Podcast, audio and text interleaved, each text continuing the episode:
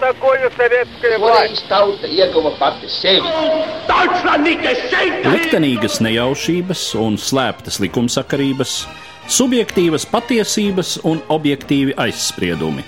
Pēc atkušņa nekad nenāk uzreiz pavasars, bet sākās Arī šodien cilvēki ir ļoti tūredzīgi. Viņi redz to naudu, kas ir. Televīzijā jau pamatā notiek cīņa par varu. Pagātne no šodienas skatu punkta un šodienas caur pagātnes prizmu. Raidījumā šīs dienas acīm. Katru svētdienu Latvijas radio eterā Eduards Liniņš. Labdien, cienījamie klausītāji! Otrā pasaules kara izskaņā rietumos nonāca apmēram 160 tūkstoši latviešu. Salīdzinoši neliela daļa no viņiem - apmēram 4,5 tūkstošu Zviedrijā. Par to, kā veidojās Zviedrijas trimdas latviešu sabiedrība, Kādas bija tās īpatnības, attiecības ar Zviedrijas valsti un saiknes ar anektēto dzimteni, sarunājos ar Stokholmas Universitātes lektori, Baltu valodu studiju programmas vadītāju Lilitu Zaļkalni. Nu, ar Zviedriju bija pavisam savādāk nekā ar pārējām valstīm, šai gadījumā ar Vāciju. Jau uz Vāciju simtiem tūkstošiem evakuējās un pārbēga, tad uz Zviedriju ļoti mazu. Un pēc Leonīda Siliņa statistikas, jeb arī pēc Zviedru statistikas, ne vairāk par 4500. Un tas jau ir ļoti maz. Un Vācijā, cik tur varēja būt, kāda 120 tūkstoši, ja ne vairāk.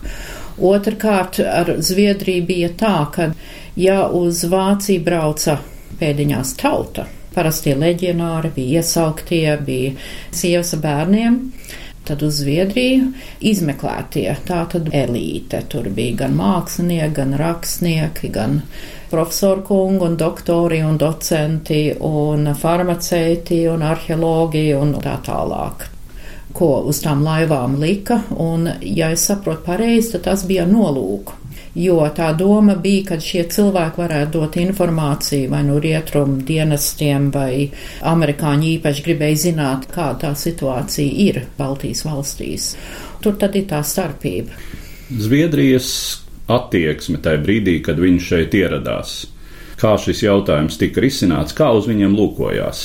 Man liekas, tā, ka parastā tauta, parastais zviedrs, jeb zvejnieks, kas dzīvoja krastā, tos uzskatīja par bēgļiem un bija pozitīvi noskaņots. Zviedru ierēdnis, jeb iestādes, kas šos bēgļus uzņēma, saprotams, starp ierēdņiem arī bija tādi, kas pozitīvi skatījās un teica, ka šie cilvēki bēg no komunismu, bet arī bija atkal daži, kas uzskatīja, ka Hitlera piekritēji, jeb nacisti tie varētu būt. Zviedru valdībai bija arī tas, ko Staļins par to saka, kad no, no turienes it kā bēg. Un Zviedri gribēja tad jau savu valstisko attiecības te kārtot, un dēļ kādu 4,5 tūkstošu bēgļiem tad to negribēja riskēt. Te bija arī tā īpatnība, ka Zviedrija bija atzinusi Latvijas inkorporāciju Padomju Savienībā, Līdz ar to arī no Zviedrijas valsts viedokļa teorētiski šie cilvēki taču bija padomi pilsoņi. Jā, un vēl 70. gados es esmu redzējis tautiešu pases, kur stāv rakstīts Soviet, kā jā, izcelsmes zeme. zeme jā. Ļoti patīkami bija ar šādu pasi, kā tā pārvietoties. Nu jā, tā nebija no Zviedru pasta, tā bija tā saucamā ārzemnieku pasa. Kremlings pasta to sauc zviedriski, es īsti nezinu juridiski, kā to tulkot. Cilvēki, kas šeit bija ieradušies, kā viņi centās organizēties un cik tajā bija tīri politiskas organizēšanās. Tiklīdz latvieši te atbrauc, tad tūlīt taisīja organizācijas, tūlīt veidoja klubus, tūlīt bija aktivitāte. Un, ja salīdzinām ar šodienas bēgļiem, tad tas ir kā nu, nakts pret dienu. Nedrīkstam aizmirst, ka tur bija 30 tūkstoši igauņu, kas tajā pašā laikā arī ar laivām pārnāca. Pavisam cita kvalitāte bija šiem bēgļiem, jo es esmu pat redzējis protokolu no 40. 4. gada, kur bija jau bēgļu palīdzības komitejas dibinātas. Tūlīt jau 18. novembris sarīkojums tika rīkots, skoliņas bija rīkots bērniem. Cilvēki tūlīt gribēja normalizēt savu dzīvi. Bet runājot par šo dzīves normalizēšanu, cik var spriest no atmiņām un um, publikācijām, tad atkal jau šī Zviedru valdības ļoti uzmanīgā politika attieksmē pret Padomju Savienību lielā mērā noteica to, ka bija taču zināmi ierobežojumi. Un laikam arī tas sākotnējais status bija tāds, ka šiem cilvēkiem nebija brīvi izvēlēties apmešanās vietu, un kā bija ar iztikas līdzekļiem, ar elementāro izdzīvošanu. Mm. Tā ir taisnība. Nedrīkstēja nodarboties ar politiku. Tā tas bija noteikts. Un tad arī, kad bēgļus izmetināja, tad nedrīkstēja brīvi izvēlēties, kur grib dzīvot. Un tad arī zināmiem bēgļiem, es īsti nezinu pēc kādiem kritērijiem, bija arī jāsazinājās ar vietējo policiju ik nedēļas, lai noteikti, ka tas bēglis vēl tur atrodas, ka viņš nekur nav aizbraucis, jeb atstājis savu to rajonu. Arī vajadzēja vai no divus gadus, jeb divu pusgadus, kad tikai tā sākot ap 40. gadu beigām gadām, kad šie noteikumi tika atcelti. Bet arī tas, ka nedrīkst nodarboties ar politiku, Jā, kur Kurā? bija tā sarkanā līnija, kur beidzās kultūras aktivitātes, Jā. izglītības aktivitātes un biedrošanās brīvība un sākās nodarbošanās ar politiku? Jā, nu tur Zviedru sakali ir ļoti ierēdniecisks un ļoti birokrātisks, un man liekas, ka latvieši varēja samērā daudz ar politiku nodarboties pirms bija kāda norāda, ka nu tā nedara. Un man pat liekas, ka latviešiem bija lielāka pašcenzūra nekā Zviedri to izrādīja. Man tāds iespējas ir. Bet man liekas, ka tāpat kā Vācijā, tad arī Zviedrijā tā politiskā trimda turpinājās tāpat tā kā Latvijā. Bija sociāldemokrātiskais bloks, kas bija ļoti aktīvs šeit, un arī bija pilsoņu bloks, un tad tie savā starpā bija grūtības. Tas ir samērā dīvaini, ka saka, politiski nedrīkst rīkoties. Toties Zviedri atbalstīja Latviešu palīdzības komiteju, un tas bija liels iestādījums. Tur bija kādi pat 40, kas saņēma algas. Tie bija tie saucamie arhīva darbinieki. Un uh, komiteja strādāja ar informāciju. Turpat pie komitejas bija arī ārsta kabinets. Komiteja gādāja par jauniešu izglītību, jo tas nebija tik vienkārši no citas valsts, tādiem, kas nav ģimnāziju beiguši. Tajā Zviedrijas izglītības sistēmā pēkšņi turpinātu savu izglītību, un kur nu vēl studēt. Es esmu redzējis dokumentus, kas ir tulkot no zviedru valodas uz latviešu valodu par apdrošināšanas noteikumiem, par slimo kases un kā visa Zviedrija darbojās un tā tālāk. Jā, nu politiski nevarēja nodarboties. Varbūt nebija vēlams, ka tu pēkšņi maršēji par ielu nosta Staļinu. Varbūt tādu plakātu tas tā nebija ieteicām darīt, bet darboties varēja gan trimd un ļoti aktīvi darbojās. Un, piemēram, Rasma Grīna bija redaktore Baltic Review. Tas ir žurnāls, tas iznāca četras, jeb sešas reizes gadā. Un tie bija raksti par Baltiju, par Baltijas brīvības centieniem angļu valodā, un tas bija domāts, lai informētu valdības par stāvokli. Tas bija antikomunistisks izdevums. Un Rasma Grīna, kas strādāja palīdzības komitejā, ko Zviedru valdība finansēja, bija viena no redaktorēm šai izdevumā salīdzinoši Zviedru valdības attieksme bija toleranta. Ļoti toleranta, un es teiktu, ka tas pats arī bija Vācijā, kaut gan arī vācieši negribēja, lai ar politiku nodarbojās, bet Varbūt es drīzāk teiktu tā, ka viņi negribēja, lai ar terorismu nodarbojās. Varbūt tas būtu bijis precīzāk. Bet vispār savus domas izteikt, jeb savu noslēdz politiski, to drīkstēja. Vai sākotnēji bija arī bažas par to, ka ar visiem latviešiem varētu notikt tas pats, kas notika ar tiem leģionāriem, kurus izdeva kā internētus karavīrus? Jā, man liekas, ka tie atkal parādās tā starpības starp sociāldemokrātu trimniekiem un pilsoniskās trimdas un tā tālāk, jo Bruno Kalniņš teica, ka tas ir absolūti neiespējams. Ja civilais bēglis to pēc Zviedru likumdošanas nekad nebūs tās izdošanas, bet pēc Bruno Kalniņa interpretācijas tad pilsoniskai falangam bija ļoti interesi uzturēt atkarības sajūtu tiem vadoņiem tajā bēgļu masā un kad tie kaut kā uzturēja šo nepareizo priekšstatu, ka rietumi nāks palīdzēt, tie arī iedomājās, ka būs ātra mājās braukšana. Toties eh, sociāldemokrāti jau no paša sākuma teica, ka trimda būs gara, mēs uz mājām netiksim tik ātri, un vienīgais veids, kā mēs latvieši tiksim atpakaļ pie savas valsts, ir, ja mēs ieiesim internacionālajā politiskajā plūsmā un piebiedrosimies tam, kas tagad ir aktuāli. Kā bija ar praktisko izdzīvošanu šeit iebraukušajiem? Kādas bija iespējas konvertēt savus izglītības diplomus, akadēmiskos grādus, profesionālo kvalifikāciju. Oi, es domāju, tas bija ļoti individuāli. Tur ir jāsāk skatīties, bet Zviedrijas latviešus vienmēr uzskatīja par visbagātākajiem Eiropā vispār, ja salīdzina ar Vācijas latviešiem, jeb ar Anglijas latviešiem. Pirmkārt, Zviedrija nekad nebija aktīvi iesaistīta Otrā pasaules karā kad tie bēgļi, kas te ieradās, tie varēja varbūt, ja ne tūlīt strādāt par profesoriem, tad tūlīt strādāt, un tā krona bija stipra. Teiksim, 60. gados jau sāka latvieši parādīties Zviedru universitātes sistēmā, gan kā docenti, gan arī lektori. 70. gados tad jau visi Latvijas mācību spēki bija atguvuši un vēl otra tik savas pakāpes te Zviedru izglītības sistēmā pakāpjoties varbūt mazu solīti sāņus no mūsu diskusijas pamatēmas, kā veidojās Baltistikas studijas šeit, eh, Zviedrijā. Baltistikas studijām ir gara vēsture, jo pirmais lektors Jozas Liņģis lietuviešu valodā, viņš jau tika pieņemts 39. gadā. Pēc kara tad bija tā tāds turpinājums, tas nebija pārsteigums no zila gaisa. Un Baltistika arī nodarbojās daudz zviedru, Un tie bija gan saistīti ar Slāvu institūtu, gan arī ar tīru valodniecības, nu, respektīvi lingvistikas nodaļām. Un ne tikai Stokholmā, bet arī Lundā bija. Bet to, ko mēs šodien saucam par baltu valodas nodaļu, tad tā sākās ar profesori Veltu Rūģu Draviņu kad viņa pieņēma par profesoru lingvistikā, un tad valdība viņai izsniedz īpašu profesūru baltu valodās ko mēs šodien uzskatām par latviešu valodas un arī lietuviešu valodas mācībām.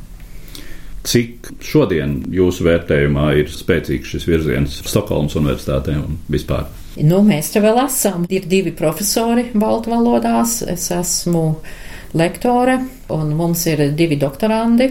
Kādu 50, 60 studentu, ne jau visi vienā bariņā, bet visādās pakāpēs un abās valodās.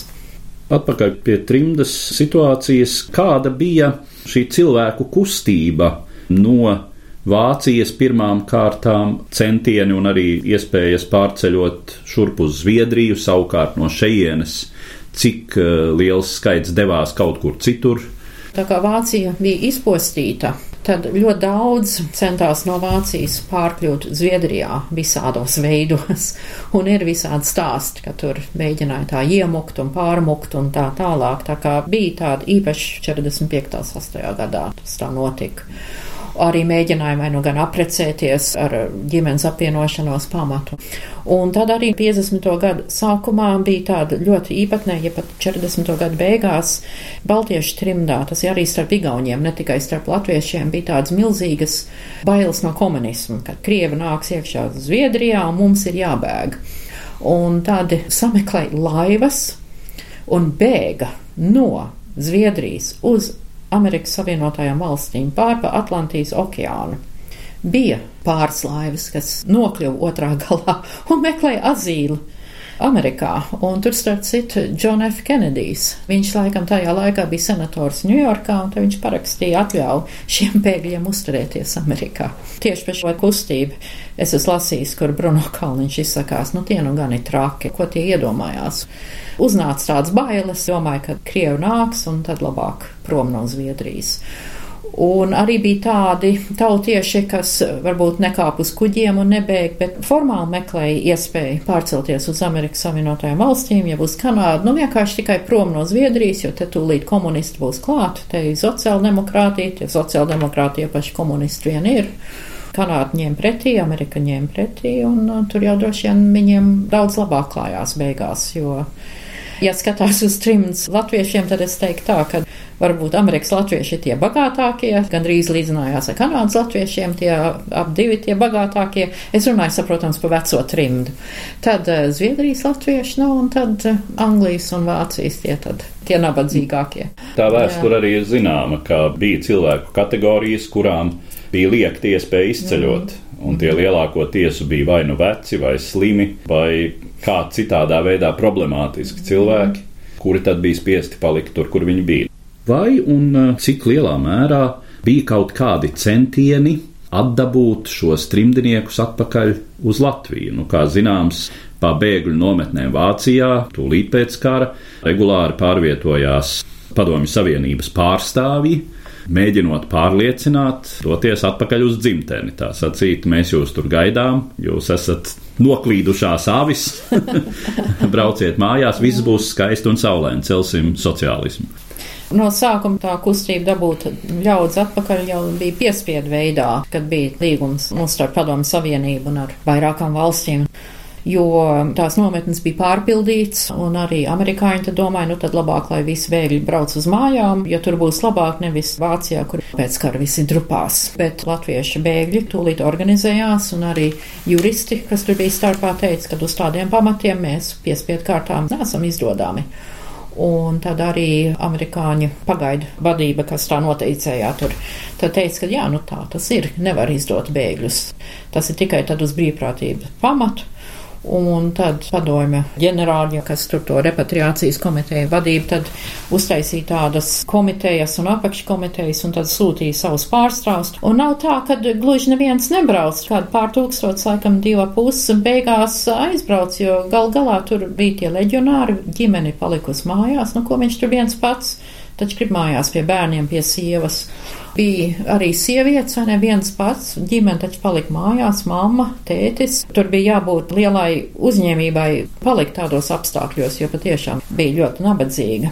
Bet tad, kad tas pirmais gājiens neizdevās, tad 55. gadā Padomju Savienībā Čeki izdomāja, ka bēgļi te rietrumos pa daudz aktīvi ar to antikomunismu nodarbojās, ka vajadzētu tās grupiņas te izjaukt, un kas tas labākais būtu, ja visi brauktu mājās.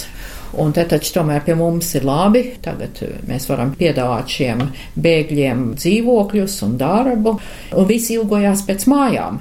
Jo padomju Latvijas sēžot okupētajā Rīgā, lasot trimdz avīzi, katrs teikums, kā mēs ilgojamies pēc mājas, Trimdi jau nav kā dzimtene, mēs visi gribam uz dzimteni, un man ir aizdoms, ka tur dažiem radās nepareizais priekšstats, jo, saprotams, trimdnieks gribēja atpakaļ uz dzimteni, bet neviens jau negribēja atpakaļ pie komunistiem.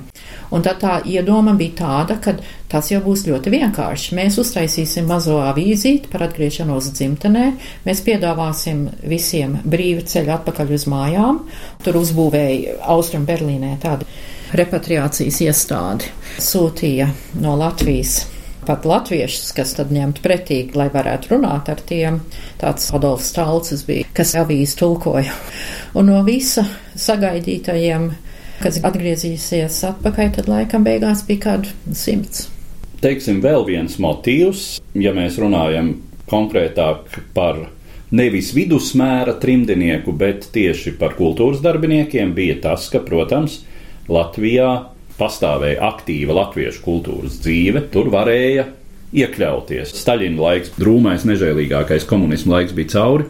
Arī uz pirkstiem skaitām, bet daži šādi gadījumi ir. Kad atgriezās, vienā gadījumā tas varbūt pat bija veiksmīgi, daudz maz, kā režisors Jānis Zariņš, kura iestudētā Turandota ir, manuprāt, šogad ceturto reizi atjaunota Nacionālajā operā.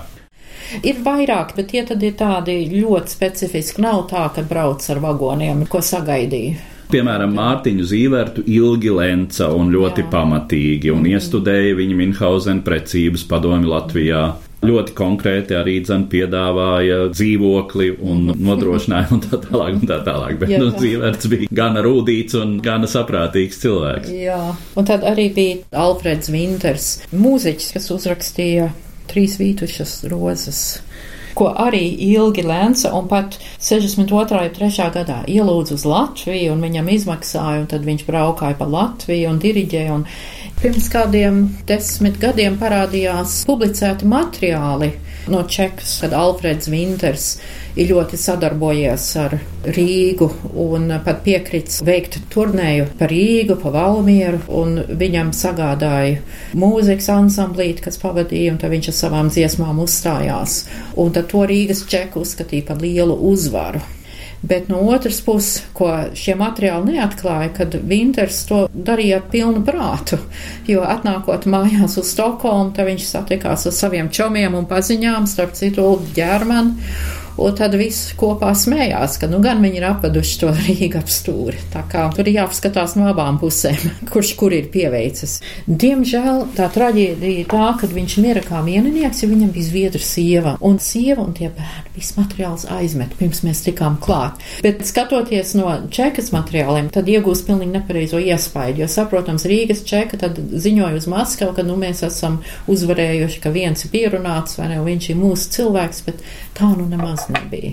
Ar kuru brīdi sākās aktīvāka braukšana uz Latviju viesos? Nu, ar Zviedriju ir īpatnēji tā, ka Zviedru valdība vienmēr bija ļoti pozitīva nostāja pret Padomju Savienību, nu tā šķietam pozitīvi. Zviedru flote apciemoja Rīgu 56. un 57. gadā. Pirmie tie turismu braucieni vai nebija 59. gadā jau, jo saucamie tie grupas braucieni, kur ar lidmašīnu lidoja, tad tas jau tad sākās ar 70. gadiem. Kāda bija tā rezonance trimdas sabiedrībā, kad daži sāka braukt uz Latviju? Cik no atkal ir nācies lasīt, tad eh, ne visiem šeit tas patika. Jā, jo bija tāda nostāja, ka, ja tu brauci uz padomju savienību vispār, ja uz padomju Latviju, tad tu atzīsti to iekārtu. Un man liekas, šī bija Daugavas vanagta nostāja, ka visi kontakti ar turieni, izņemot, nu, ja tas ir tīri personīgi, ja tu raksti saviem radgabaliem, to drīkstēji, bet visi oficiāli kontakti nozīmē, ka tad tu esi akceptējis padomju iekārtu. Un ļoti stingri šī nostāja bija. Un visus braucējus sauc par komunistiem. Stokholmā te bija rezidentūra, piemēram. Un parasti trešais sekretārs bija Latvijas, un tad tur tika rīkot tautiešiem šeit vai nu no filmu vakari, nu vispār tādas sajiešanas, un ja tos apmeklēju, tad uzskatīja, ka tie tad ir tie komunisti. Un pat vēl trakāk bija, jo 50. gadu beigās sakrā ar atmaikšanu un ar Kruščevu, kad ģimenes varēja apvienoties, ka ja kāds trimdas tautietis gāja uz vēstniecību, piemēram, iesniegt vīzu savai mātei, jeb tēvam, kas ir palicis padomju Latvijā, arī to cilvēku sauc par komunistu. Tā kā te bija stingra stāja. Cik loģiski jums tāda stāja šķiet no šodienas viedokļa? No šodienas viedokļa var teikt, ka to vajadzēja niansēt. Bet arī no šodienas viedokļa varētu teikt, ka īstenībā labi, ka tā stāja bija. Varēja izrādīties, ka tā bija tā, kas turēja to trimds misiju uz pareizo ceļu, jo komunisma kolaborācijas vilinājums tas jau ir ļoti tāds vilinošs. Tā kā varbūt ir labi, ka tomēr bija tādi, kam bija stāja, kam bija uzskati un kas sekoja to, ka ne, kamēr tur ir komunists, es tur nerādīšos. Vai ir vispār zinām kāda materiāla, kas ļauj spriest, cik aktīva drošības komiteja bija mēģinot iefiltrēt šeit ietekmes aģentus trimdas sabiedrībā? Nu, ļoti aktīvi. Man liekas, ka pat ar, ar bēgļiem, kas brauc pāri, saprotams, ka tur starpā jau bija ļaudis, kas bija gatavi sastrādāties ar valsts drošības komiteju otrā pusē, ja jau tie nebija iesūtītie aģenti. Šeit dzīvoju uz vietas arī starp trimniekiem, kas aktīvi ziņoja.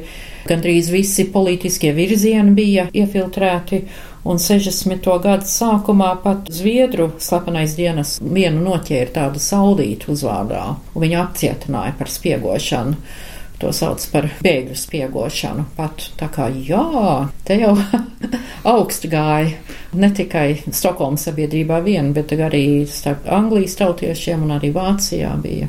Bet arī no vēstniecības puses, tā kā es saku, tas trešais sekretārs mēdz būt latvietis, un tad varbūt tie pazīstamākie spiegi bija Nikolais Nēlans un um, arī Daina Zelmenu, tā kā noķēra, ka viņš fotografēja pirmo māju gājienu 80. gadu sākumā.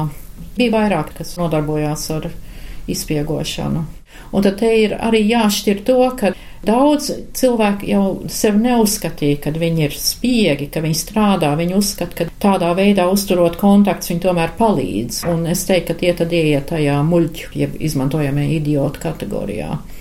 Un šis varbūt arī tāds punkts, kur iet runa par tiem čekas maisiem, ka vai nu tas cilvēks tagad šausmīgi kaunās par to, ja viņš grib sev attaisnot, es taču tomēr nekādu lielu skādu neiztaisīju, ja tā skāda, ko es izdarīju, tomēr ir svarīgāk, kad es to kontaktu uzņēmu un kad es to dialogu uzturēju starp abām pusēm.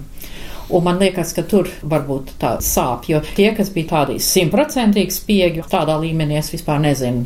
Tiem jau tur tādi maisi un bijuši, nebijuši, bet man liekas, ka tā ir tieši šī kategorija, kas kaunās, jeb īsti nezin, kā to tikt galā, un vēl šodien nav tikuši galā ar savu lomu, kā viņi rīkojās.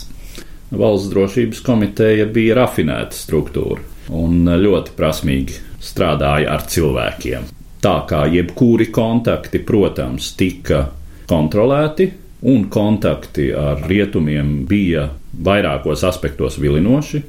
Sākot ar to, ka cilvēks vēlējās vienkārši, ja viņam bija tāda iespēja paskatīties otrpus dzelzceļa priekškaram, iespējams, vienīgo reizi mūžā, kā viņš domāja.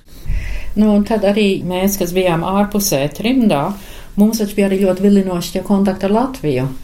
Un iedomājieties, viens absolūti nenozīmīgs trimds latvietis var tikties ar tādu Himantu Ziedoni, ar Jāni Peteri. Un tas taču bija fantastiski. Neiedomājam, kā mēs tādas nulles no nekurienes var tikties ar visu lielo Latvijas kultūrālo elīti. Un no otras puses ir jādomā tā, ka čekai tie taču bija izglītoti cilvēki, kas saņēma mēneša algu par to, un mēs jau bijām tikai amatieri šajā pusē. Tā kā skaties, kā grib, droši vien mēs zaudējām tādā ziņā. Kāda bija Zviedrijas sabiedrības attieksme kopumā pret Padomju Savienību? Es teiktu tā, ka tur daudz neko nesaprata, kas tur ir, ja kas tur notiek. Zviedri zināja, ka tāda padomju savienība eksistē, bet ka tāda Latvija, Lietuva, jeb Igaunija eksistē, es teiktu, ka Ieriņas Zviedrs pa tādu maz zināja. Tāds iespējas rodas arī runājot ar citiem šeit, ka bija tendence faktiski aizmirst par to Baltijas jūras pretējo krastu, jo tā bija tāda zeme, kas bija uz mūžiem nogrimusi tumsā un miglā. Es tam piekrītu, tā tas bija. Kas mainījās tajā brīdī, kad lietojot nodrāstu metaforu, bet pēkšņi tā nogrimusī pilsēta sāk celties augšā? Es teiktu, ka tajā brīdī bija ļoti liela interese par šīm valstīm, un arī Zviedrijas komunisti sūtīja savus interesantus, piemēram, apmeklēt Latvijas pionieru nometnes. Tas man bija tāds liels pārsteigums. Tā kā visos līmeņos, un arī visos politiskajos novirzienos 80. gadu beigās liela interese radās par Baltiju. Un tad arī latviešu valodas studijām bija ļoti daudz studentu. Teiksim, ja varbūt parasti kā 10, 15, tad pēkšņi pieteicās 20, 30 uz valodas stundām. Un tajā laikā liela interese bija. Tomēr jauna kaimiņa pēkšņi no kaut kurienes uzrādās. Kaut gan es teiktu tā, ka vienam zviedram arī vēl šodien pa Tallinu ir skaidrs un arī par Igauniju, bet pat Latviju, Lietuvu tas tur drusk tā maisās vairāk, bet tomēr tas ir labāk nekā nekas. Kā jūs raksturotu Zviedrijas latviešu sabiedrības situāciju šodien vai pašreizējos apstākļos vispār vairs var runāt par tādu nošķirtu un atsevišķu Zviedrijas latviešu kopienu. Šajai trimdai jau trūkst politiskā motīva, ir ekonomiskais motīvs. Un tieši tā saucamā politiskā trimda ir tā, kas tur kopā. Tomēr Latvijā un Baltijas tajā sfērā, reģionā, tomēr mums politiski arī būdam te ārpus no turienes ir tomēr jāturpina darboties, jo tomēr tur ir neaizsargātā situācija. Mums ir jābūt stipriem, jeb uzmanīgiem, kas tur notiek, un cik no tās trimdas, kas tagad Zviedrijā tam pievēršās, lēš, ka varētu būt no 15 līdz 20 tūkstoši tautiešu šeit. Tie aktīvākie centri ir tad Stokholma, Göteborga, Lunda. Tie ir tie paši centri, kas bija arī vecajā trimdā. Ziemeļos, kur ir daudz latviešu, tur arī tā ķepurojās. Arī Gotlandē ir Bet tie, kas satiekās, tie tad drīzāk ir vai no ģimenes ar bērniem, ar tām skoliņām. Stokholmas latviešu skoliņā, kas notiek katru sestdienu, ir vairāk pa simts bērniem, kas apmeklē. Un, ja es nemaldos, ka tā ir viena no lielākajām latviešu skolām Eiropā, varbūt arī visā rietumu pasaulē. Bet tāda aktivitāte ir tikai tā, kas turpinājās uz to veco pamatu. Bet tādi spontāni, tādi jauni centri nav radušies. Bet no otras puses var teikt, ka labi, ka turpinājās.